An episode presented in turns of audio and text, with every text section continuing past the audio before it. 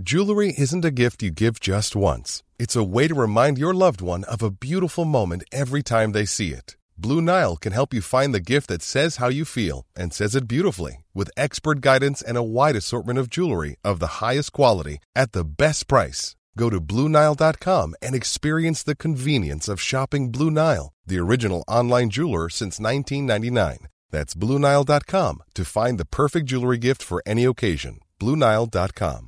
Hey, it's Ryan Reynolds, and I'm here with Keith, co star of my upcoming film, If, only in theaters, May 17th. Do you want to tell people the big news? All right, I'll do it. Sign up now and you'll get unlimited for $15 a month and six months of Paramount Plus Essential Plan on us. Mintmobile.com slash switch. Upfront payment of $45 equivalent to $15 per month. Unlimited over 40 gigabytes per month. Face lower speeds. Videos at 480p. Active Mint customers by 531.24 get six months of Paramount Plus Essential Plan. Auto renews after six months. Offer ends May 31st, 2024. Separate Paramount Plus registration required. Terms and conditions apply if rated PG.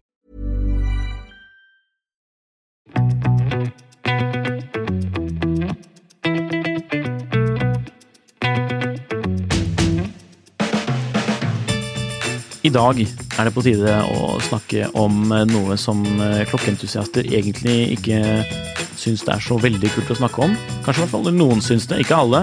Vi syns det er litt morsomt, og derfor skal vi snakke om det. Og temaet er intet ringere enn kvartsklokker. Jon Henrik, Fantastisk. du liker, du liker kvartsklokker? Jeg liker kvartsklokker. Men Noen? eh, noen kvartsklokker, ikke alle kvartsklokker. Det er jo brorparten av kvartsklokkene som faller innenfor kategorien uinteressant. Ja, hvis man ser på sånn type som man kjøper på, på matbutikken, holdt jeg på å si, eller Ja. eh, apoteket, eller eh, Walmart i så fall. Ja. Walmart. Mm. Ja. De har vært i USA. ja, Walmart har faktisk solgt Rolex også. bare så det er Ja, men det er, jo, det er jo litt sånn i, i enkelte andre land så ser man det at det er ikke sånn helt i samme kulturen sånn i forhold til eh, Jeg har vært en del i, i Japan, Mm. og med luksusklokker som selges på kjemperare montre som liksom ser ut som Ikke på den standarden som vi er vant til her, da. Sånn, eh, så det er kult. Mm. Så Temaet i denne episoden av Klokkelandslaget, en podkast fra Finansavisen i samarbeid med Tidssonen, det er kvartsklokker til begjær. Og det er jo et vanskelig tema, på sett og vis. Eller egentlig ikke så vanskelig, men det er litt mer sånn det er, det det er mye forskjellige meninger ute og går. Og man har jo Noen klokker er jo rene kvartsklokker, andre er en slags hybrid, mens øh, så har du jo mekaniske klokker da på sin side, ikke sant? som ikke har noe batteri eller elektronisk i det hele tatt. Ja. Og det er jo fascinerende i seg selv, fordi det krever mye mekanikk. Men det gjør jo det, det krever mye innsats å lage og utvikle en eh, kvartsklokke også, i hvert fall sånn det var når eh, de ble oppfunnet. For da var det jo gigantisk prestisje i det å ha en kvartsklokke, og det er jo litt sånn ironisk, egentlig. For i dag så er jo det sett, sånn, litt sånn sett ned på versus mekaniske eh, brødre og søstre, da, om man kan kalle det det. I hvert fall blant entusiaster, men Mm. på en annen side så er det jo litt sånn Hvis man tenker litt sånn på på de gamle vitenskapsmennene og, og urmakerne, hvis man kan kalle det da, fra gamle dager, som egentlig bare søkte, søkte høyest mulig pres, eh, presisjon og driftssikkerhet, så må jo egentlig kvarts være det helt sånn eh, drømmeproduktet de ikke klarte å klarte Ja. å tenke seg frem til, eller som ikke man hadde teknologi til å kunne lage. Mm. Så det er jo litt sånn, eh, litt sånn morsom eh, kontrast her, men det er nesten en annen diskusjon.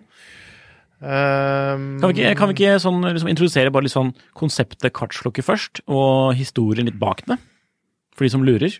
Fordi jeg tenker sånn, kvartsklokker det har åpenbart ikke vært like lenge rundt som den mekaniske klokken. Og bare sånn for å ta det sånn helt eh, La oss gjøre det litt sånn veldig enkelt, da. For Hvem? de som ikke vet eh, Hvis man ikke egentlig vet uh, hva vi snakker om overhodet nå, så er det jo kvartsklokker. Det er jo disse klokkene som altså, Har man en klokke som går på batteri, så er det en, uh, en kvartsklokke. Mm. For å gjøre det litt enkelt. Ja. Eh, og det er jo klokker som har elektroniske urverk, hvor det er en kvartskrystall som, som man har som en slags regulator som, som eh, holder, holder tiden. Mm. Um, og det er jo ting som kan produseres eh, industrielt, masseproduseres, og det er også ting som da eh, gjør at man, man kan få dette her fryktelig billig. Det Ja. finnes selvfølgelig også dyre, dyre kvartsurverk, Ja, det, det kommer vi jo kanskje litt inn tilbake på. Men, eh, men det er i hvert fall essensen ved det, at, at det er eh, billige ting som er billige å produsere. Eh, typ når man tar det inn på en service, så bytter man kanskje bare det, det urverket. Så det, så det er jo kanskje litt det der, da, som, som eh, i hvert fall vi klokkeentusiaster uh, uh, ikke helt liker. Det at det er noe Det er ikke noe varig, det er noe liksom Det er liksom, det er liksom bruk og kast over det. Eh, og samtidig så er det ikke noe Det er ikke noe Det er ikke noe håndverk i det å, i det å I det like mye som mekaniske klokker. Nei, men, men det er jo likevel Man kan finne dekorerte kvartsurverk, for eksempel. Eh, og det er eksempel Grand Seiko, FB Journe Vi kommer jo tilbake til de, kanskje. Men eh, så har du jo, som sagt, de ting helt i andre enden også. Som er bruk og kast. Daniel Mer Wellington. Moteklokker med et eller annet fancy merke, ja. men dårlig eller billig. billig urverk. Hvorpå, Billig urverk. hvorpå det kanskje har vært lagt mye tanke i designet, eller i varierende grad dog, men mens, mens liksom, hvor primærfunksjonen er ikke å være liksom et, et, et, et Hva skal man kalle det? der, liksom, altså, Klokkeklokke. Om man kan bruke det ordet. Det er ikke, Urverket er jo på en måte motoren i en klokke, og det er ikke lagt noe vekt på motoren. Det er ikke en i det. V12. Det er bare noe å gjøre det billigst mulig, noe som fungerer, og som er billigst mulig, og som, og som ikke man får noen reklamasjoner på, forhåpentligvis. Og, altså bare som et industrielt produkt. Så Og så tikker og viser den, da. Det er jo litt sånn ja, på noen. Ikke på alle. eh, Ikke på alle, men eh, Eller på noen så tikker den ikke, er vel mer riktig å si. Altså, det Stort sett så tikker den, da, på, Mm. på, Ja. klokken klokker med kvartsurverk. Uh, og det er jo kanskje det sånn, noe av det første man Mm. lærer i klokkehobbyen, det er å se den derre Ja, Har den tikkende viser, så vet du at det er batteridrevet uh, kvartsverk. ja, og, Alle rappere nevner jo det i låtene sine. Sånn, uh, Gjør du det? if, ja, hvis Rolexen tikker, så er den fake. Jeg hadde jo en eh, tikkende Rolex, jeg, når jeg var Ja, eh, For det er jo ikke helt korrekt. kjøpte, kjøpte Syden, holdt jeg på å si. Når jeg var i sånn eh, Jon Henrik. ti år eller sånn. Skuffende. skuffende, Jeg gråt meg til det, da. Jeg ville ha den klokka. Det var faktisk en, det var faktisk en Explorer. Mm. Så det, det var litt smak i, det, da. Ja. Men ja, for Rolex har jo laget kvartsklokke, de òg. Bare, men ikke akkurat den du kjøpte på stranda, men eh, på 70-tallet en gang. Ja. Så Hva heter den da, Nikolai? Det heter, eller i hvert fall ur, Urverket heter jo Beta 21, Mm. om jeg ikke husker helt feil. fordi det var jo da et konsortium, eller altså, et- hva skal man kalle det, en gruppe Sammen- av sammenslutning. sammenslutning av uh, prestisjemerker fra Sveits som gikk sammen for å lage den første uh, ordentlige kvartsklokken. da. Mm. Eh, det, men de var jo ikke først ute, det skal sies, for det var jo faktisk japanerne. Ja. Eh, sånn teknisk sett, da, men i hvert fall med, med noe du kunne putte rundt håndleddet. Seiko. Yeah. Astron var den første, Astron. første armbåndsuret. Mm. Kvarts. Og i dag, Eh, Masseprodusert. Masseprodusert. Så, og det var jo veldig dyrt på den tiden, skal sies. Det var jo, det var, jo liksom Det var jo helt cutting edge. Liksom det helt, eh, helt nye. la- Latest and greatest. Mm. Og da var for, for tanken var liksom åh, dette er presisjon, presisjon som man kun får liksom av de, de urverkene som liksom har vært nitrist stirret på av eh, presise eh, håndledd eh, og hender som har eh, fikset og utviklet og alt mulig. Mens med, med kvarts eh, så kunne du liksom få enda mer presisjon, men til en eh, Ja, først så var jo kvartsklokker fryktelig dyre. Nå er det jo da billig etter at, har at man fikk liksom kommet i gang med, med volumproduksjon, da. Mm. Eh, og, og strømlinjeformet hele greia. Så nå er jo det Man kan jo få kvartsklokker til liksom en, en, en 20-kroning, liksom. Men det er ikke de klokkene vi syns er Det er ikke de Nei, vi, som det er til begjær. og det er det, som er litt av poenget med denne episoden her også. Mm. At vi skal tune oss litt inn på de klokkene som faktisk er verdt uh, tiden, og som er eh, Ja, som Mm. Og da, vil jeg egentlig bare først nevne de tidlige, som er av interesse. Og da tenker jeg de, Nå må jeg prøve å huske helt nøyaktig hvem som var med på å produsere disse på denne Beta 21, men jeg vet at Audemars Piguet de i hvert fall lagde sin egen kvarts... eh, eller så kjøpte de Så nå begynte du med de som ikke var med? Du sa Ja, du skulle si de som var pokker, med, så begynner du med de. pokker, pokker. Men, var, men like så eh, fremt, da, for eksempel, hvis du skal se til tidlige uh, kvartsklokker, så kan man se til uh, Rolex. Det ble produsert veldig få av den første, da. Men eh, eh, så kan du se på eh, Patek Philippe, Ja. for de har en Beta 21. Og den er fryktelig funky. De kaller jo denne urkassen en slags sånn TV-urkasse, fordi den ser ut som en gammeldags TV. Jeg har faktisk en komplett liste foran meg nå. Mm. Du har det? Jeg googlet litt sånn i det skjulte. Det er jo Ja, men av disse vanskelig klokkene, merkene som var med først. Beta Project Members, Mhm. eh, Bulova eh, Ja, hvis man tar de navnene som man kjenner til, da. Eh, Ja. Ebel, Eberhardt, Synkron, som jo er Doxa, Synkron, ja. Syma, yep. Zodiac, Favre Løba. Mm. um, Elgin, Enikar, IWC, Mm. Lekult, Longin, Omega, Patek, Rado, Rolex Bien og Rolex Genéve. yep. Står som to separate. Eh, Ja, Zenit. ja. Pluss mange litt sånn mer interne underleverandører og fabrikker. da. Mm. Ja. Så det er eh, ganske omfattende, omfattende Mange, mange store navn der som ikke er like store i dag.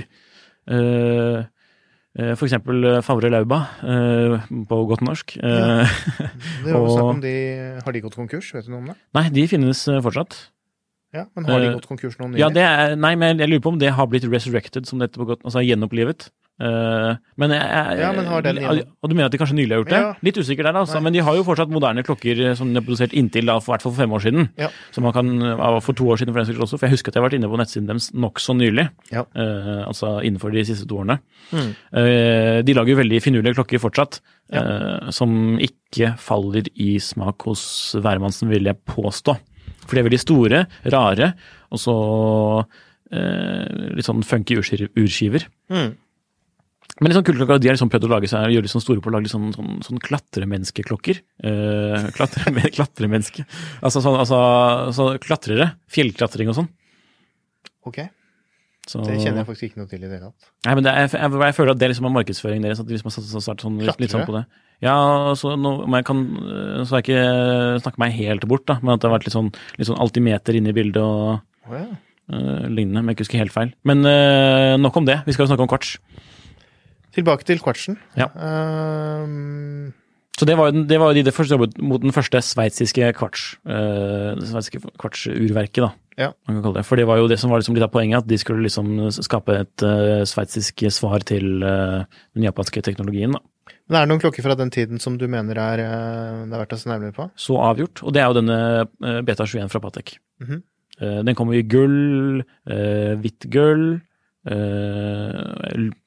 jeg tror ikke den kommer i stål. Det står litt stille for meg nå. Det er mulig, det, altså. Men uh, den har uansett, denne, som jeg sa, denne TV-urkassen, og så har den en veldig rar, litt sånn, sånn Norvegia Nei, um, Jarlsberg-aktig lenke som har masse små hull. Ja. Og den er veldig den skal visst være behagelig, da. Eh, Det er en sånn klokke som ikke var sånn veldig, veldig samleverdi på før inntil nokså nylig. Så det var sånn, Før i tiden så var det en glemt helt. Men det er verdt å titte på tidlige kvartsklokker fra, fra Sveits. Odomar Piguet har jo også noen veldig, veldig kule, veldig sjeldne utgaver også. Eh, Da med også veldig sånne 70-tallsurkasser. Litt sånn firkantet, avlange. menn Men med eksempel De deler urskive med Royal Oak. eh, Ja. De, denne vaffelformede urskiven deler de da med Royal Oak. Eh, disse Mm. Er begynner å hete går de også under navn eh, Royal Oak? Noen av disse? Nei. Jeg mener jeg har sett, ja, å, ja, godt eh, poeng. Det kan hende at det er en av de som gjør det, men øh, jeg, vet ikke Altså, det blir aldri noe stort av det. Nei, nei, nei. Det er jo sånn man så vidt øh, vet om. Men øh, hvis noen har lyst til å gjøre gode kjøp på auksjon, da, og da snakker jeg de store auksjonhusene fortsatt, så er jo det her mulig å stikke unna med. Og da har du, vil jeg si, det er jo liksom piece of history. Hvordan er det med service og sånt på sånn type verk? Det er jo et veldig godt spørsmål, og jeg vil anta at det ikke er helt rett fram. Det var jo, som Jon Henrik påpekte, mm, high-tech. Og eh, datidens kvartsurverk ligner vel ikke så veldig mye på det du finner av innsiden Danny Wellington i dag. Eh, så ja. Men tidlige kvartsklokker, det er faktisk det er en sånn egen samlergreie. Ja. Så why not, tenker jeg. komme, er det noen som begynte å komme litt igjen, yep, eller er det Jepp, Yep. Fordi, fordi dette er jo en, er en konsekvens da, av denne generelle trenden vi ser i markedet, hvor folk eh, går etter eh, de samme klokkene, Mhm. og litt sånn hype-mentalitet. Vi har vært inne på det, jeg vil ikke gå i dybden på det heller, for det er kjedelig å snakke om. Eh, Så søker jo de litt mer erfare, erfarne klokkesamlerne seg ut av denne sfæren, og tenker på litt ting som kan være litt mer individuelt, sjeldent, litt mer interessant. Andre ting man kan sette liksom tenna i enn alle andre Mm. hvor kanskje man har blitt løpt fra markedet, sånn Ja. prismessig. Og sånn sett er jo det da veldig eh, interessant, tenker jeg. Så jeg kunne godt tenkt meg en av disse tidlige kvartsklokkene, både fra Japan og Sveits. Eh, Så det er jo litt eh, morsomt. Omega hadde jo også mye morsomt tidlig derfra, fra den, fra den tiden. Og litt mer sånne, og sånne marinekronometeropplegg også. Ja, de syns jeg er kule. Men du Ja. er ikke så fryktelig fan av det looket på de? Nei, fordi de, de, de, de er veldig sånn bulky. eh, Det er det som er kult, da. Ja, ja, greit. Jeg glemte at du liker det. Så De ser jo liksom ut som et slags instrument, eller mer et verktøy enn liksom noe som skal være noe vakkert, eh, det er, det er et veldig godt poeng. elegant. Og det er jo fiffig, det også. Disse Omega marine kronometerne er jo fryktelig pres- presise, som navnet tilsier, kronometer. Men øhm, øh, Ja, jeg vet ikke. De kan man fortsatt få relativt uh, Altså, de er ikke sånn der Det er ikke Jeg tror det det har gått litt en del opp i pris, men det er ikke noe sånn, det er ikke noe sånn som er noe Det er ikke noe hype, uh, hype-tendens der. Så man, man ser ikke noe sånt ennå, i hvert fall. Så mm, sånn er det, rett og slett. Ja. Vi kan jo gå litt videre sånn i historien. Uh, og det tok jo ikke veldig lang tid før kvartsklokker, altså, la oss si ti år, før det var eh, fryktelig, fryktelig dumt for den mekaniske sveitsiske eh, industrien. Sånn økonomisk sett, at disse billigere, rimeligere og objektivt sett bedre klokkene, siden de var mer presise for, for pengene, eh, gjorde at man fikk noe som het kvartskrisen, i hvert fall slik den omtales i, i Sveits. da. Andre steder kan jo kvartsrevolusjonen, Ja. som Psycho Ja. kaller det. Ja, andre steder. Eh, så for noen eh, endte jo det med at det gikk ad undas, og for andre merker betydde jo dette konsolidasjon, og vi fikk da de store eh, første luksuskonglomeratene i form av klokker eh, i, i klokkeverden, da. Eh, hvilket resulterte f.eks. i Swatch Group, takket være en viss navn han eh, Businessmann med navn Hayek. Hayek. Skulle jo hatt med min Hayek Swatch-klokke i dag, Du egentlig. skulle hatt med det, fordi Swatch, som er jo da eh, en av klokkemerkene som var med å redde Sveits fra kvartskrisen, eh, er jo da fra, naturligvis, og også oppstandelsen til navnet Swatch Group. Og det er jo litt sånn ulike tolkninger av eh, Ja, hva skal jeg si Rollen til Hayek, og Det er det. om han var en, liksom en Messias eller eh, Eller om han var om han, om han, en luring. Det, En luring. Men, men det er jo ikke noe tvil om uansett, da. Mm. Det med, I forhold til eh, Swatch og, og Hvis man ser på hva de fikk til, da, så er det jo ikke noe tvil om det at det var sterkt medvirkende til det å eh, la det mekaniske uret få fortsette å leve. eh, Jeg ser på det litt som en omstilling, jeg, da. Sånn fra med, med introduksjonen av kvarts, at fra klokker eh, på en måte var en sånn eh, Det var jo et nødvendig verktøy. Sånn, Mm. eh, Man hadde ikke mobiltelefoner og datamaskiner overalt, og, og mye mer praktisk enn enn i dag, hvor man Ja. går med egentlig en klokke på mobilen. eh. Men vi skal ikke glemme at det var et statusaspekt ved det likevel, selv på den tiden. Nei, nei, men, men, men, men selv, hva skal jeg si, billige verktøy, selv, selv, hva skal jeg si, rimelige klokkeklokker i dag, da. Mm. er jo på en måte et luksusprodukt. Ja. For det er jo ikke noe man har noe særlig altså Det er jo praktisk å ha en klokke, men, men du har jo en klokke på mobilen, og du har en klokke på den dataskjermen du kanskje stirrer i i hvert fall åtte timer om dagen. Så Mm. det, det er noen omstilling, da. Fra å gjøre klokker til noe til en bruks, veldig bruksorientert objekt til å bli luksus, en luksusvare. Så avgjort. Eh, så ja, Og apropos luksusvare, eh, Rolex, Rolex. Quartz. Quartz, Oyster Quartz, den produserte jo de, som et svar på, på krisen. Det var jo tenkt at den skulle være liksom øh, det virkelig kule, fete. Men De er jo ganske kule og fete. de er ganske kule og fete. De har jo litt annerledes design enn en vanlig Oyster Perpetual eller Datejust. Uh, litt mer sånn, får jeg lov å si det, Royal Oak-aktig. Litt mer sånn På grunn av urkassen. med- med Ja, litt mer integrert- 70-talls med integrert, integrert og- øh, horn. Ja. Uh, ja. Så andre klokkemerker gikk jo helt dukken, f.eks. Anglus, Enicar, Nivada. Eh, slikt. Eh, noen av de har jo blitt eh, gjenopplivet de siste årene. For det har jo vært en annen trend i markedet, at man gjenoppliver gamle klokkemerker. Ja. Men det, kan jo, det er faktisk en egen episode verdig. Gjennom, gjennomståtte klokkemerker.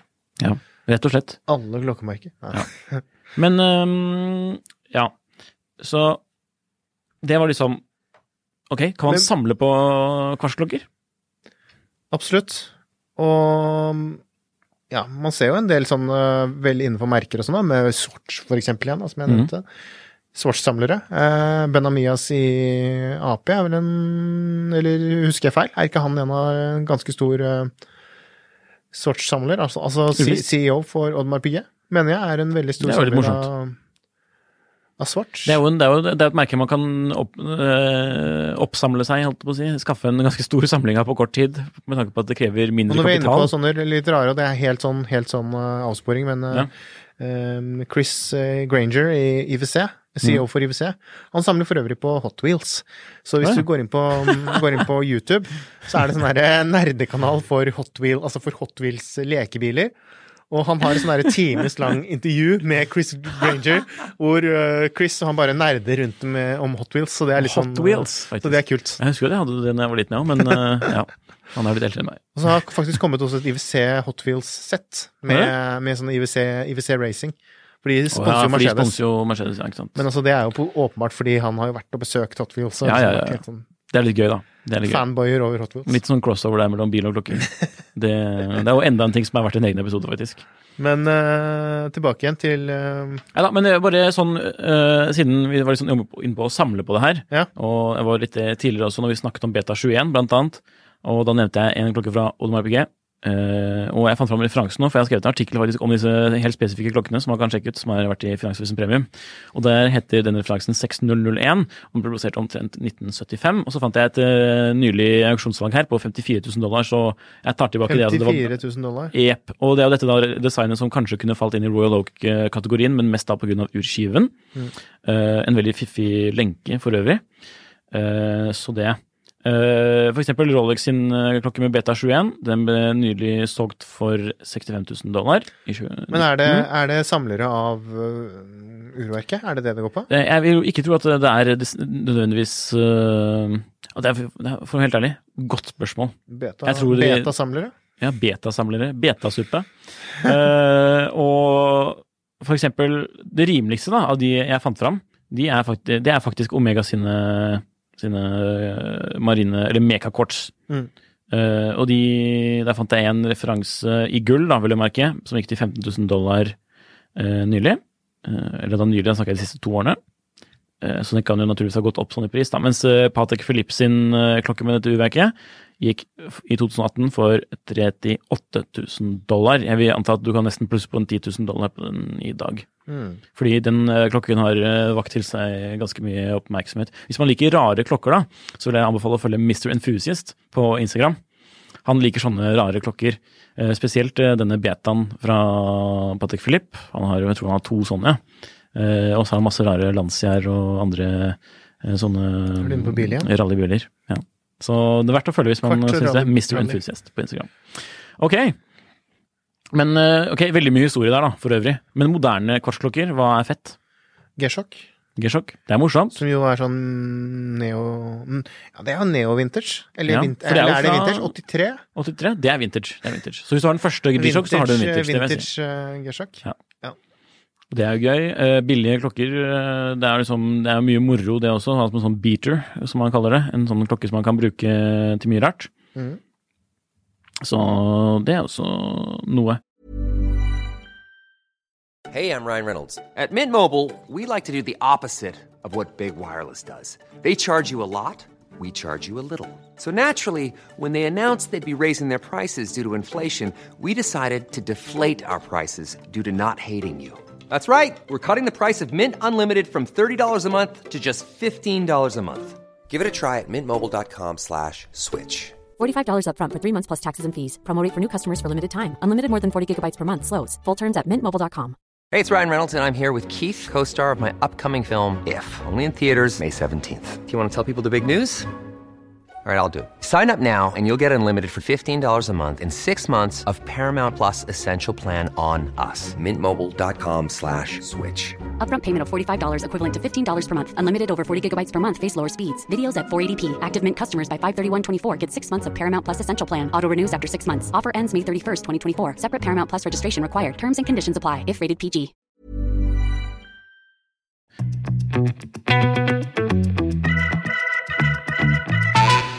Eh, hva annet har man? Man har eksempel denne Vi må liksom eh, snakke om hybridurverk også, da, føler jeg. Og da kommer man naturligvis inn på på Psycho. Jeg tenker jo ikke, altså, men Hybrid det er jo en forenkling av konseptet. Mekakorts? Ikke nødvendigvis mekakorts, men mer, eh, mer spring drive. Ja, det føler jeg nesten blir en egen, litt sånn egen Ja, greie. spring drive er jo en teknologi fra Psycho, hvorpå man bruker en elektronisk eh, gangjustering. Kvartsbasert? Kan man ikke si det? Kvartsbasert regulator, regulator. Ja. Så Og det er, liksom, det, er, det er jo kompliserte greier. Det er jo ting man kan snakke om hvor enkelt blir det å lage, altså gjøre service på langt i framtiden, men det er liksom sånn der, det er en sånn problemstilling som, som entusiaster føler jeg tar litt for hardt i også. Å tenke sånn åh, hvor, hvordan blir det å gjøre service på denne om 50 år? Ja. Sånn, ok, la oss ikke overtenke. Men øh, ja, så Springer er også en sånn morsom greie. Psycho fortsatt er i business, da. Ja, det. Ja, det, det er faktisk nesten utvilsomt. Så Men jeg føler vi hoppet over en del vanlige, altså moderne Mer moderne-ish kvarts nå, da. Ja, men uh, Som ren, ren kvarts, hvis du skal holde det på litt den der rene kvarts-greia. da er det jo um, Psycho igjen, da. Eller Grand Psycho. Mhm.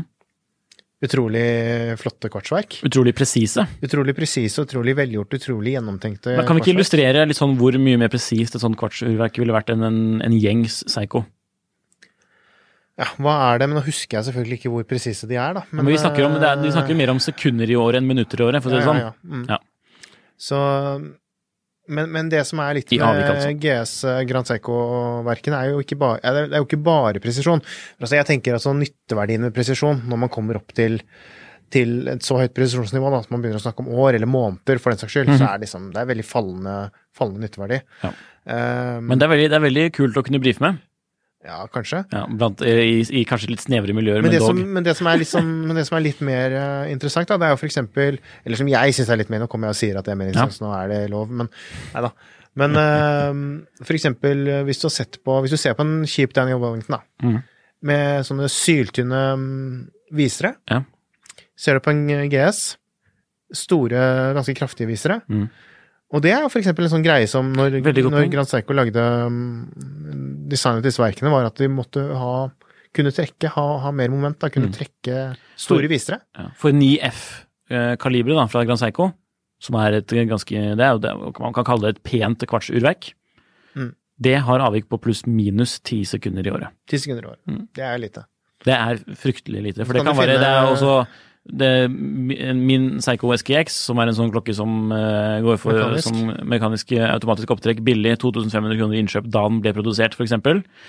Den har jo det avviket mer per dag enn år, om man kan si det på den måten. da. Men en godt er regulert, så heldig. ja, ja, men en godt regulert SKX kan gå pluss-minus uh, fem, den. Mm. Så eller tre, for den saks skyld. Hvis man er fryktelig Det, det er også nesten en annen episode, men det er jo mye av dette som koker ned til regulering også, ikke Mm. bare ikke Adjusted bare- in five positions, som mm. noen skriver bakpå. Mhm.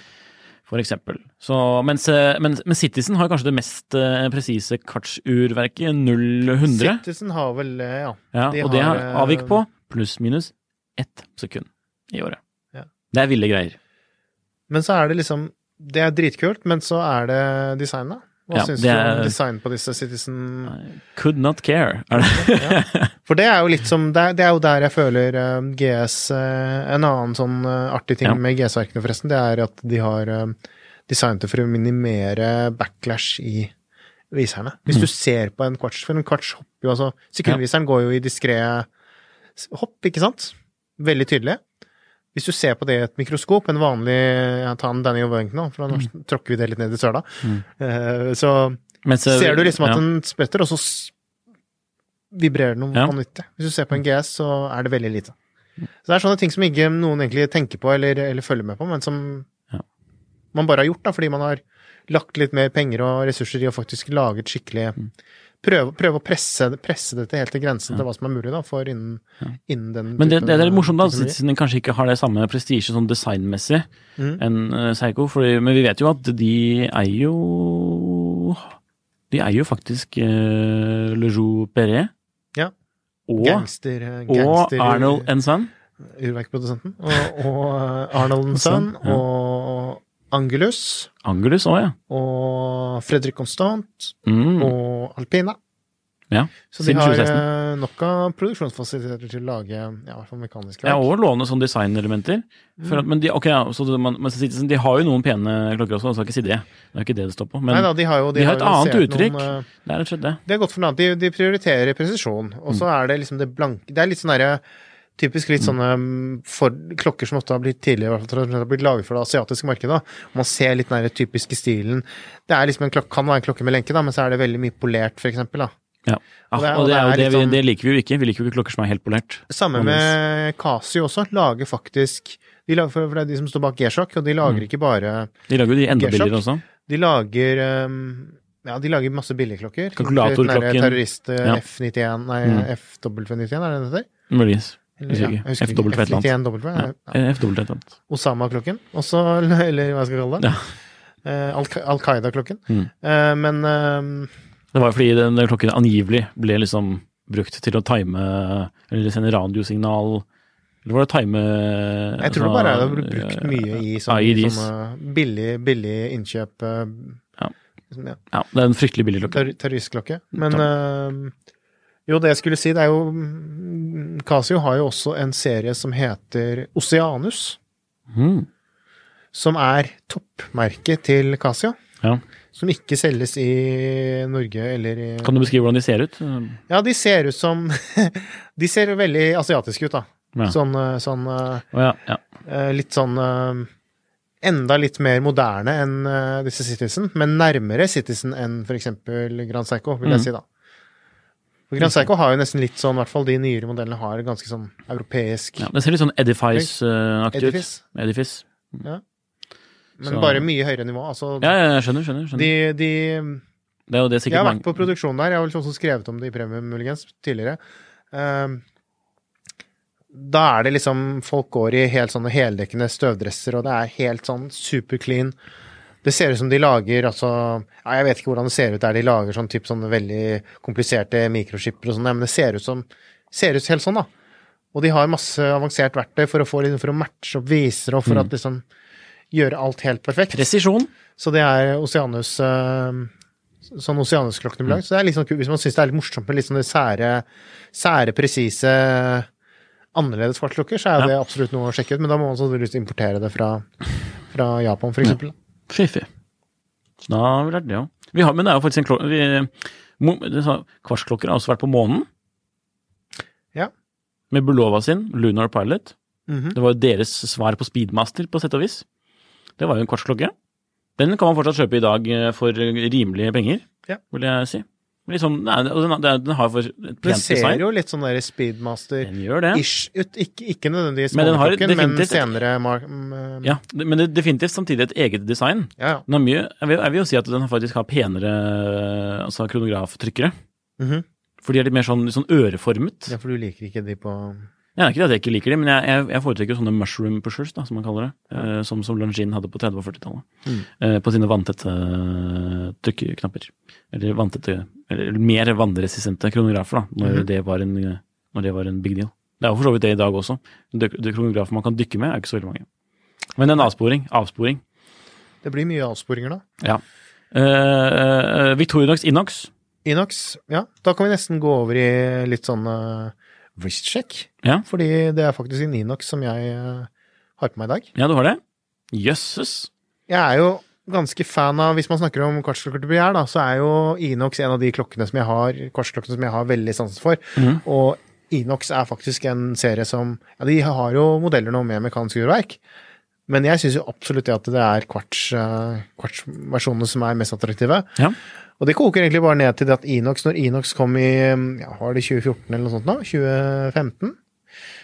Så Kanskje litt før? Nei, jeg tror ikke det. Okay.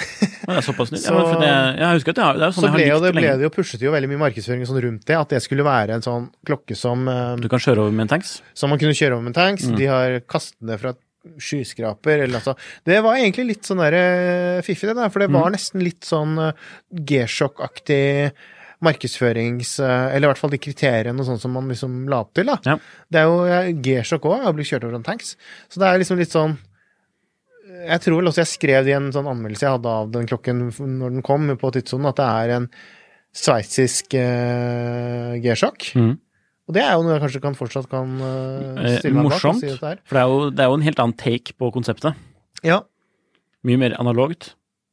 Og så har du en fiffig karbonkasse på den du har i dag, da. Eller karbonkompositt. ja. Eh, veldig kul. Nå fungerer ikke kameraet vårt der. Nei, men da får vi bare droppe det, rett og slett. Eh, Så, men Victorinox Inox, det er eh, verdt å sjekke ut. Det kommer jo masse forskjellige eh, versjoner. Stål, sånn som du har her. kommer vi først. Den jeg har Ja. her, det er karbonkompositt. Mm. Så det er jo plast. Plastklokke. På godt norsk, ja. Eh, litt kul med sånn uh, 24-timersskala i glasset. Det, mm. syns ikke du er så veldig fint, men jeg syns det er litt kult. Nei. Eh, rød sekundviser og rød skala, så det er litt sånn matcher litt det. Og så er det jo, det er jo litt sånn militært uh, Ja. Militært så det sånn uttrykk. derre eh, man- Det er jo litt, litt, bitte litt sånn Litt sånn Gentagefil noen ganger. Litt sånn, ja, det er det du noen- som Det husker jeg du sa også når du så den med lenke Ja, for det er sånn, noen som uh, eh, ser litt sånn, kanskje litt sånn bitte litt sånn Nautilus, Aquanaut eh, Det er jeg ikke enig i i det hele tatt, men Nei vel. Men Nei om da- det. Ja, det er om det. Veiledende pris, sånn rundt 4500 kroner, tror jeg. Ikke for karbonfiber. Nei, ikke for kar- karbonfiber, men i stål. Ti lapper, tror jeg. Ja. Men, eh, og du får jo for i hvert fall to-tre forskjellige størrelser. Mhm. Så det, det er mye å Fin velge å kjøpe brukt. Ja, bruktpriser. faktisk. Faktisk. Kjøpers marked. Sånn helt sånn der, hvis du skal ha en sånn helt uh, helt superrobust biter og har lyst på analog tidsvisning, så Mm. sjekk ut Inox. Det er ikke noe, det er ikke noe merke som kanskje vekker noen sterke følelser sånn i positiv forstand, men, eh, men det er solide, flotte klokker. Vi vet jo, de lager jo bra kniver og lommekniver og alt mulig sånt. så- Og de gjør det selv. Det er også litt Ja. kult med Inox. De, i hvert fall, Karbonfiber vet jeg ikke, men i hvert fall med stålkassene så husker jeg de fortalte at de lagde faktisk kassene selv. Ja. De har jo masse maskin, mening, maskinpark og muligheten til å gjøre det. Apropos lage selv, det er jo den klokken jeg har på meg i dag, er også inhouse, den. Ja, Men er det kvarts? Det er det dessverre ikke. Eh, fordi ja, ja, det er fordi ja, det er den klokken jeg har på meg i dag. Så det er Seigo SKX, det er jo den standard Jeg skal kjøpe min første klokke, starte samle litt, grann, kanskje, klokke. Mhm. Eh, den er jo nå ute av, den den er ute av sortimentet. eh, Men får man kjøpt den nå? Man får kjøpt den enda på creationwatches.com. Ja. Og sånne nettsider som det. Som, Litt sånne smågrå små, sånn- Ja, litt sånn grey market eh, Ikke sant? nettsider som selger eh, Og det er morsomt. Da, jeg tror jeg har nevnt det før, men bare for å ta det igjen, liksom. Det er Mm. eh, den der populariteten til de klokkene Ja, nå har de vel kanskje skjønt det, fordi nå ser man jo den nye Hva heter det, nye Five Sports. Yep. Uh, med tilsvarende design, som jo er liksom etterfølgeren, etterfølgeren til den klokken som Etterfølgeren til den klokken som du har. mm. Uh, så de har jo skjønt nå at folk vil ha det designet, men det var jo lenge sånn at de uh, Virker nesten som om de i Japan var helt sånn Visste ikke om Visste ikke at, at dette var her var en populær klokke sånn i det europeiske og amerikanske markedet. Og Hvis vi enkelt skal forklare hva det er, så er det jo en dykkerklokke, 200 meter vannresistens, Mm. uh, automatisk, dag, dato, uh, dykkerbesel, som du kanskje kan høre her. Ja. Så det er eh, mye moro for pengene, og den klassiske sånn Pepsi-fargekombinasjonen, da. Ja. Jeg så, syns det finnes med sort, men ja, jeg syns det finnes i Pepsi. Så, og så har den denne klassiske sånn raslelenka, som man kaller det. skrangler En såkalt jubilee-lenke, som skrangler uh, nokså mye. Mhm. Men eh, den er faktisk helt ok be- behagelig, altså. og så kommer, så kommer den på gummirem også, hvis man har lyst på det. Det er fortsatt mulig å skaffe de nye, selv om det ikke er produksjon lenger. Nice. den klokken jeg har på. Men eh, hvis vi skal snakke om en klok- kvartsklokke jeg virkelig har lyst på, da, mm. så er det Åh, jeg blir helt sånn Jeg blir glad av å tenke på denne klokken. Fordi den er så kul. Og det er kvarts, men likevel, den er så kul. Og den kommer fra intet, intet ringere enn Francois Paul Jaune, Ja. som er uh, en ikonisk urmaker uh, med tilholdssted i Genéve. Mm -hmm. uh, og merket hans, F. Bejorn, de lager en klokke som heter Elegant. Og det er kvarts.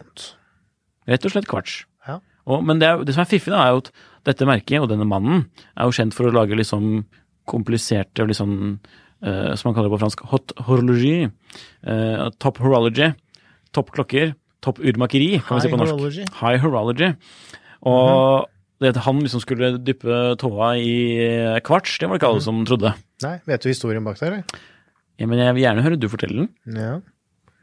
Nei, det han Det var jo det at der, han så det at eh, konene til disse ja, mennene som ofte kjøpte disse kompliserte, kostbare klokkene Laget, Som da. koster fra 200. Ja, man får vel knapt noe sånt Ja. med FP-Jorn for det nå. Man sånn, knapt det, men kanskje, på den kanskje hvis tiden- man kommer på ja. venteliste eller noe, men Ja. ehm, de hadde lyst på en klokke, men de hadde ikke nødvendigvis lyst på mekanisk urverk. De ville ha noe som man slapp å tenke på, trekke og styre med, men noe robust og noe som uh, man bare kan ha på armen og legge fra seg og glemme. Mm. Ehm, så da mekket de denne elegantmodellen. Og urverket ble vel utviklet i samarbeid med et eller annet sveitsisk eh, universitet, om jeg ikke husker feil. Eh, for det er jo et eget urverk de har utviklet. Det er ikke sånn at de har fått kjøpt noe fra For det er jo noe fiffig med det. Ja. Hvor man tar av seg klokken, Mhm. eller ikke ser på klokken, er det sånn? ja, ikke se, altså, ja, når den ligger stille. Ja. Når den ligger stille, så vil den til slutt stoppe. Mhm. Når du tar den opp igjen, så vil den justere seg tilbake til uh, riktig tid. Men ved at den slipper å drive viseren og sånn den tiden den ligger uh, stille, da, så, så sparer den strøm. Ja. Den er Det fryktelig kul. noe, men det kjenner vi også igjen fra f.eks. Uh, Casio. Mm. De har noe tilsvarende. Ja. At den går i sleep mode. Ja, sånn, ja. Ikke sant. Så, men det er jo litt mer gjort på en litt mer eh, Litt mer eh, Om ikke sofistikert måte, men litt mer sånn teknisk Teknisk kanskje fascinerende utførelse hos F. Jorn. Og verket der også er jo mye mer Det er mye flottere å se på enn enn eh, vanlige kvartsverk. Det er det definitivt. Men det er jo det, er, det, det, det, det holder seg til noen sånne Genéve-striper. eh, Og så at du kan se noe av disse elektroniske bindepunktene. Eller, mm. eh, så, men fiffig, da. Altså, selve klokken er jo i titan. Veldig kult design. Annerledes. Ja. Gummirem. Mhm. Eh, Ja, er det jo- titan? Ja. Er det ikke Pro, pro, proprietary titan. Titalytt? Ja. Stemmer Det det? Men det er jo, det er jo det er, Titalit, det er jo det er behandlingen på utsiden av titanplassen. Ah, ok, ok, ok. Bare så det er sagt. Så hør her, lyttere. Jeg eh, retter på Jon Henrik. Dette, så- det, produsent, dette klipper du ut. altså, men det er faktisk det. Altså, det, er, det, er, det behandling på utsiden. Ok. Uh, så ja, fet klokke. Den har jeg fryktelig lyst på. Skal vi sjekke hva prisen er på Krono 24? dyr. Ja. Jeg husker jeg så på den og var sånn, jeg hadde veldig lyst til å kjøpe den, og da var det sånn overkommelige priser. Og det var jo lenge den ikke var populær i det hele tatt. Yep. Uh, Oi, oi, oi, oi, oi, nå oi, oi. kan jeg få gjette. Ja, gud bedre. Er det på Krono 24? Ja, prisen har jo steget i taket. jeg gjetter at den koster fra 400 000. Fra 500 000. Ja, det er bare dust. Det er helt dust, ja. Det er bare helt dust. Og det, det følger jo en trend som vi har sett for mange independent, og spesielt Francois Paul Jean sine klokker i det siste, at eh, det har eh, samlet seg stor energi og kjøpervillighet blant disse Mm. klokkene, som har lav produksjon og Ja, forholdsvis lav produksjon. forholdsvis lav produksjon, da, for, for å si det sånn. Så, Men det er jo synd. Ja. Men så må vi, må vi også si at vi må ta prisene på kroner 24 kan tas med en liten klype Ja, eh, salt. Men like så fremt. Det er, det er ingen under her. Du får den ikke for under over, 500. du får den ikke for rundt 100, sånn som jeg eh, når jeg så på Nei, for det er ikke lenge siden. Nei, det det, Tiden flyr, da. Ja. Men uh, ja. Det har Herre. Det Jesu Kristus. Men eh, det er virkelig en eh, flott klokke. Kul klokke. Men hvis du, hvis du skal velge noe mer, litt mer, eh, litt mer eh, oppnåelig, da, for å kalle det, har du noe, har du noe tips da? Golden Tuna fra Seiko. Med kvarts? Ja. Ja. Er, Proff den er jo kul. dykkerklokke. Den er jo kul. -hmm. Og kul med kvarts. Ja, og så Speedmaster Skywalker X33, som er den, liksom, den digitale versjonen av uh, vanlig Men er det den nye, er det den nye, nyeste generasjonen du tenker på da? Nei, egentlig den første, men det som jeg har sett noen av LCD-panelene ser ut som at de falmer litt etter hvert. Ja. Uh, litt usikker kan jeg at det er lyset på bildene, men Jeg eh, føler liksom generelt at det har vært At jeg hører mye krøll med sånne, med sånn med sånne type analoge digitale klokker. Ja, for det er på, eh, på denne Skywalk-modellen, som er en speedmaster, og den har vært på Den, har, den er med på sånne romfartseventyr støtte stadig. -hmm. uh, den er jo slik at du har en LCD-skjerm på urskiven, men så har du likevel analoge uh, timemarkører Mm. og hender. Viser det. Visere, takk. Eh, så ja. Jeg syns jo også det er kult med de der eh, litt kule de eh, Sjø Sandstrøm eh, Som også heter noe med Sky. UTC, mm, UTC Sky. et eller annet, ja. Svenske, svensk klokkemerke for øvrig. Mhm. Morsomt. Jeg liker, jeg liker også de veldig godt, spesielt i sånn DLC eller sånn. Det, som la, er lager klokker til, eh, til uh, svenska flygvapnet. Ja. Så, Så det er kult. jeg liker de, altså. De er fete. De er fete. Breitling. Emergency er jo dritkul. Ja, det er vi jo enige om. Første generasjon, vil jeg merke. Mhm. Eh, Som ikke er så brukbar lenger. Eller bruker, bruk, Mm, Nei, for den sender men eh, sender Hele feil. poenget med Breitling Emergency, for de som hører på, det er jo at man Eller hele poenget. Ja, egentlig hele poenget. Ja. Er at man kan dra ut en sånn nødsonde, som, eller nødpeiler, som liksom sender ut et eh, som sender ut et um, signal til sånne internasjonale redningsenheter som kan komme og redde deg på hvor enn men altså, ja. uh, Hvor du skulle enn være. Mhm. Eh, For eksempel det er jo en Top Gear-episode, eller er det Grand Tour? Top Gear-episode, tror jeg. Mm. Dedikert til, I hvert fall med et innslag dedikert til hvor eh, Hammond blir da slengt av på et fjell. Og så drar han ut eh, denne sonen, og så kommer Clarkson og Det kult. redder. Så gjennom, gjennom amerikansk er pickup. Men de nye versjonene der er jo kule. De, og de fungerer jo Ja. Fungerer jo bra. Da må, du, da må, du må vel signere at du ikke skal bruke den på noe tull eller er noe sånt? Jeg er faktisk ikke sikker på engang om det? det er lovlig å selge det i ja, Norge nå. Ja. Morsomt. Fordi vi måtte ha noe godkjennelse av eh, Er det Statens luft, uh, luftfartstilsyn eller noe Ja, sånt? jeg lurer på det. Noe lignende der?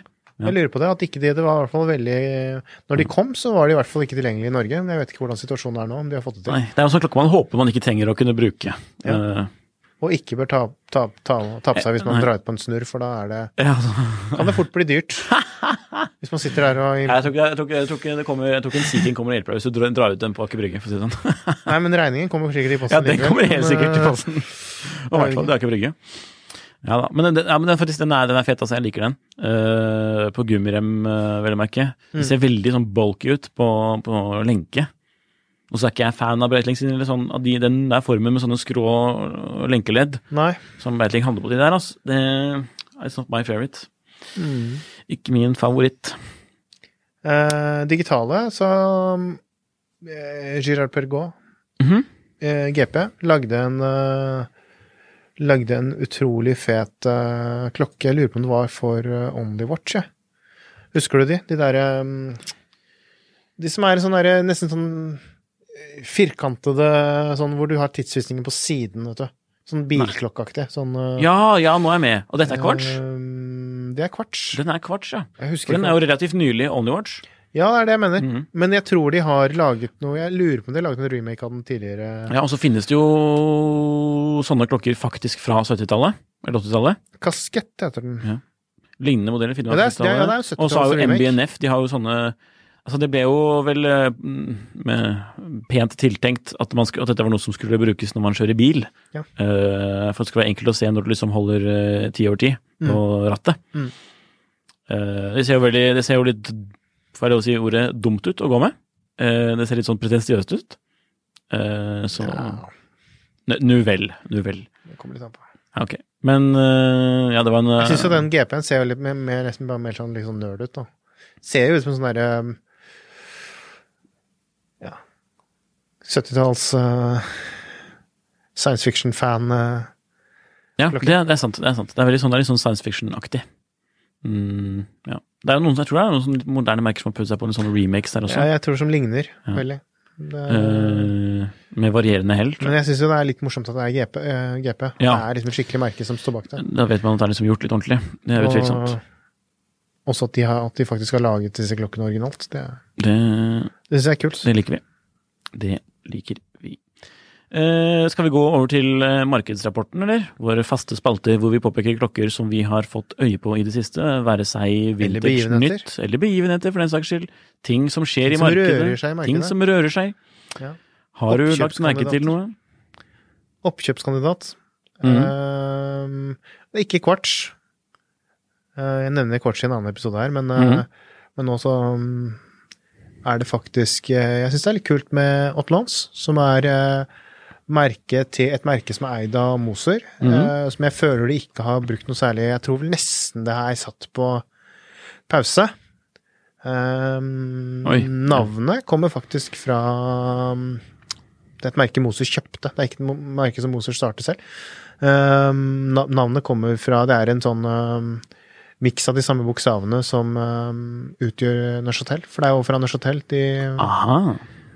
holder til, så det er derfor de heter det de gjør.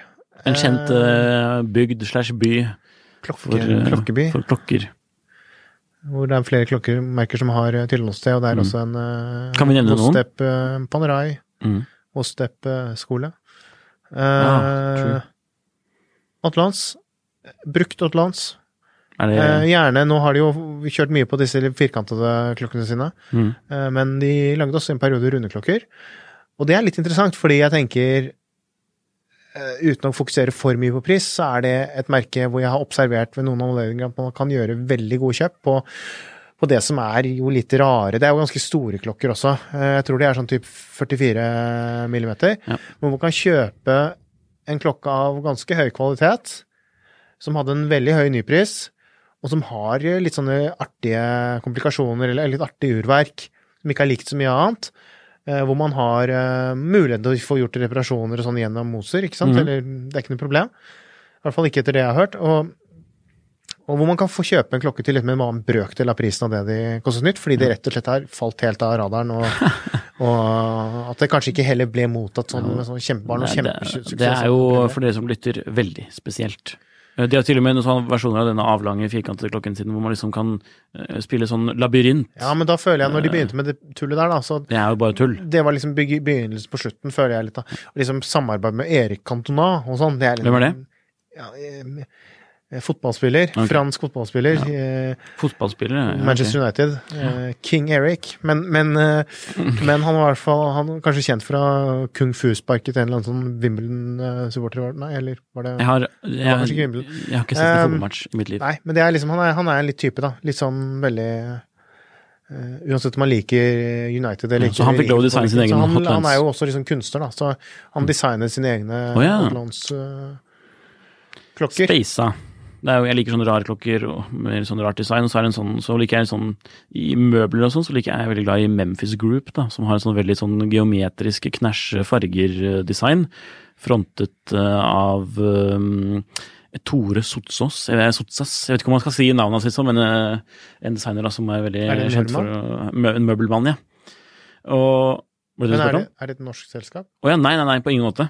Det er uh, italiensk og med litt andre mikser uh, Det er vel sånn, litt sånn som ikke spanske vet noe om det det og- er det Ja, det er veldig geometrisk. Knæsje er farger. 80-tall. er Postmoderne. Er det noe som er fortsatt i drift, og som leverer De, til du, nå? kan eller fortsatt, er du kan fortsatt kjøpe designere. Ja, men, men altså, den produsenten er ikke Ja, det, er ikke, altså det, det var en sånn, det var det, Nå går vi jo veldig av sporet her, men det var jo en, en, sånn, en gruppe designere som gikk sammen om å danne Memphis Group, Ah, som ok. fremmet denne typen designspråk.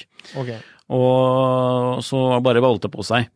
Så du kan fortsatt kjøpe Memphis Group, eller Memphis Design, da. Det kan du. Og så er det mange som begynte å liksom ta sånn og produsere lignende møbler med samlende Men er alle disse menneskene som er involvert, er de døde nå, og så er det liksom Eh, noen er, noen lever. Ok. Men, og de er ikke, men det er jo 80-tallet, hvis- så, sånn, så ikke det er ikke Så de er ikke sånn at de er fryktelig aktive nå. Ja. Så det Eh, er vintage er, jo- møbler? det er jo, det er jo vintersmøbler, ja. Du, du kan jo kjøpe okay. på Blomkvist og likevel også, men de selges fortsatt nytt. Eh, I forretninger i Oslo til og med. Ja, ja. Hm. Så, Men designet er fra det er, det er ikke noe som er aktive nå? Altså, Nei, og er, du- jeg skal si at det er sært. Det er det, for å være helt ærlig. Men jeg digger det, da. Uh, for jeg er litt sær. men, hvordan kommer det eh, inn på klokkene? Det kommer inn på klokkene nå. Mhm. Fordi dette, dette sier jeg, jeg, sa jo det var Memphis-inspirert, og det er også en sånn ting som mange sier, sånn Memphis-inspired uh, møbel uh, som ikke er Mhm. fra denne Memphis-gruppen, men som designer låner elementer. Ja. Uh, og designer Alan Silberstein Ja. har jo gjort en klokke med Krono Bauhaus. Mhm. Det er jo på 80-tallet dette også, så mm. i samme periode, hvor dette designet var litt sånn morsomt, gøy, eh, sånne ting, geometrisk. Mhm. Og de gjorde da en uh, kronograf med Valjou 7761, Mhm.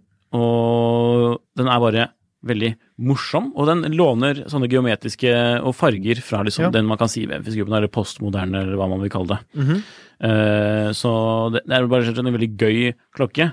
Um, kronograf, fiffig, Mhm.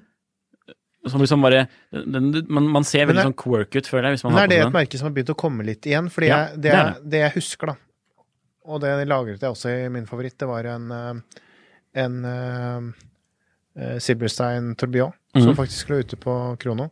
Lenge. Kjempebillig. Ja, kronoalarm, mener du? Mm? Kronoalarm eller krono? Eh, Tourbillon. Ah, Tourbillon. Mhm. Uh. Jeg tror den het Tourbillon Vollant. Mhm. Ja, for de kommet, den har jo kommet tilbake, men denne første her er jo fra 80-tallet. Mhm. Og senest i fjor eller forrige fjor så kom han med en ny Nei, nei, nei, nei, nei, det er ikke noe Hæ? Jo, med, ikke med noe- Louis Erard. Ja, ja, ja, nei, nei, nei, nei. nei. Men ikke den du snakker om nå, nei? Nei, nei, jeg snakker om original, altså. Ja, ja, ja, jeg skjønner det. jeg skjønner det. Jeg bare snakker om altså, Man kan finne nye også. Ja, ok. Men ikke med akkurat samme design, da, vil jeg merke. Nei. Eh, De har jo begynt å balle på seg hva gjelder pris også. Så det er sånn rundt Ja, men det er det jeg mener. At så- det begynte, virker som det har begynt å bli litt mer Kanskje, kanskje også nettopp litt etter den uh, Nettopp. Louis Gerard Ja, altså Han gjorde en ny sam, sånn eh, stil, eller Mhm. samarbeid. Mhm. Eh, så, men jeg ser jo på Kroner 24 fra 40 000 oppover. Ja. Mm, veldig morsomme greier. Jeg tipper man, Hvis man ser en sånn i Norge, så kan man gjøre bra deal på det. Men så er det det å se i Norge, da. Vet du hva det også minner meg om? Bare sånn, og Det blir mye sidespor her, men det minner meg om to ting. Disse møblene dine, og for så vidt også Silberstein-klokkene. Mm. Det er eh, ene er eh, Lego? Nei. Det ene er eh, Bonbon Richard Mille. Ja. Og det andre er, som er en sånn godteriinspirert Kolleksjon. klokkekolleksjon. Og det andre er faktisk godteri. Bassets All Sorts lakris. Ja, sant det. sant det, som sant ligner veldig på i hvert fall de møblene Du har eh, dine.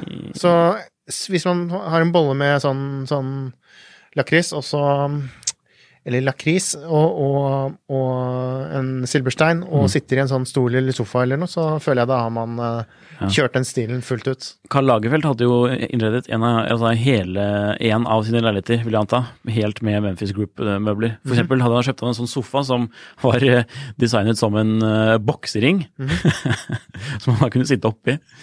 Det er jo Men er det ikke han som også gikk rundt med sånn derre Han gikk stor bag med masse iPhone, eh, iPoder i? Han hadde liksom lagret musikken sin da, på sånn derre Skjønner en kjempestor eh, bag med, Mm. med iPhones. Nei, ikke iPhones, Ikke. eh, iPods. Karl Lagerfeldt har, har jo for eksempel, han, har jo, han, jo, han hadde jo en vill klokkesamling. Han hadde jo Rolex uh, Stellini, eller Stardial-klokker. Uh, han, hadde, han hadde også en greie sånn som eh, Sånn som Fiat-arvingen Jenny Gianni Agnelli om å gå med klokken utenpå mansjetten. Mm -hmm. Litt fiffige ting som man ikke skal prøve selv nødvendigvis, men eh, ja, så det, det, blir plutselig veldig mye Nå har vi snakket litt møbler og klokker i dag, da, og kvartsklokker for den saks skyld. Mhm. Og det er jo greit med litt varierende tema, det syns vi er fint, det. Um, vi, kan, vi kan si at dette er jo en episode, som vi vil takke de som hører på. Og har man noen spørsmål, så må man sende inn til uh, oss, enten oss. på Instagram eller på mail, for, sånn for øyeblikket, før vi skaffer en ordentlig mail. Da kan du sende til nikolai.gil.finansavisen.no. Mailen min kan du også på finansavisen.no sine nettsider. Eh, Så hvis du har spørsmål om hvilken klokke du skal kjøpe, hvorfor denne klokken er kul, eller sånne andre ting, send dit, vær så snill. Vi tenker jo å gjøre en spalte på det også, med sånne lyttespørsmål, og det var alltid gøy å kunne svare litt eh, på det. Så takker vi for at du lytter igjen.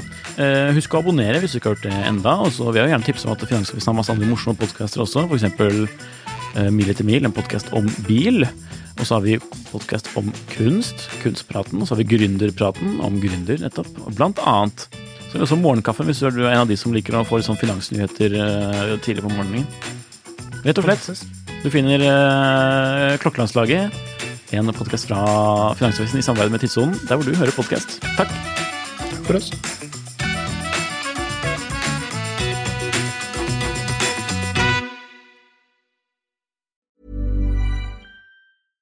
Mom deserves the best, and there's no better place to shop for Mother's Day than Whole Foods Market. They're your destination for unbeatable savings, from premium gifts to show-stopping flowers and irresistible desserts. Start by saving 33% with Prime on all body care and candles. Then get a 15-stem bunch of tulips for just $9.99 each with Prime. Round out Mom's menu with festive rosé, irresistible berry chantilly cake, and more special treats. Come celebrate Mother's Day at Whole Foods Market. Klokkelandslaget er en Finansavisen-podkast i samarbeid med Tidso. Programleder er Nicolai Giel og Jon Henrik Haraldsen. Produsent er Lars Brenden Skram. Podkast- og videoansvarlig er Marius Mørk Larsen. Og ansvarlig redaktør er Trygve Hegnar.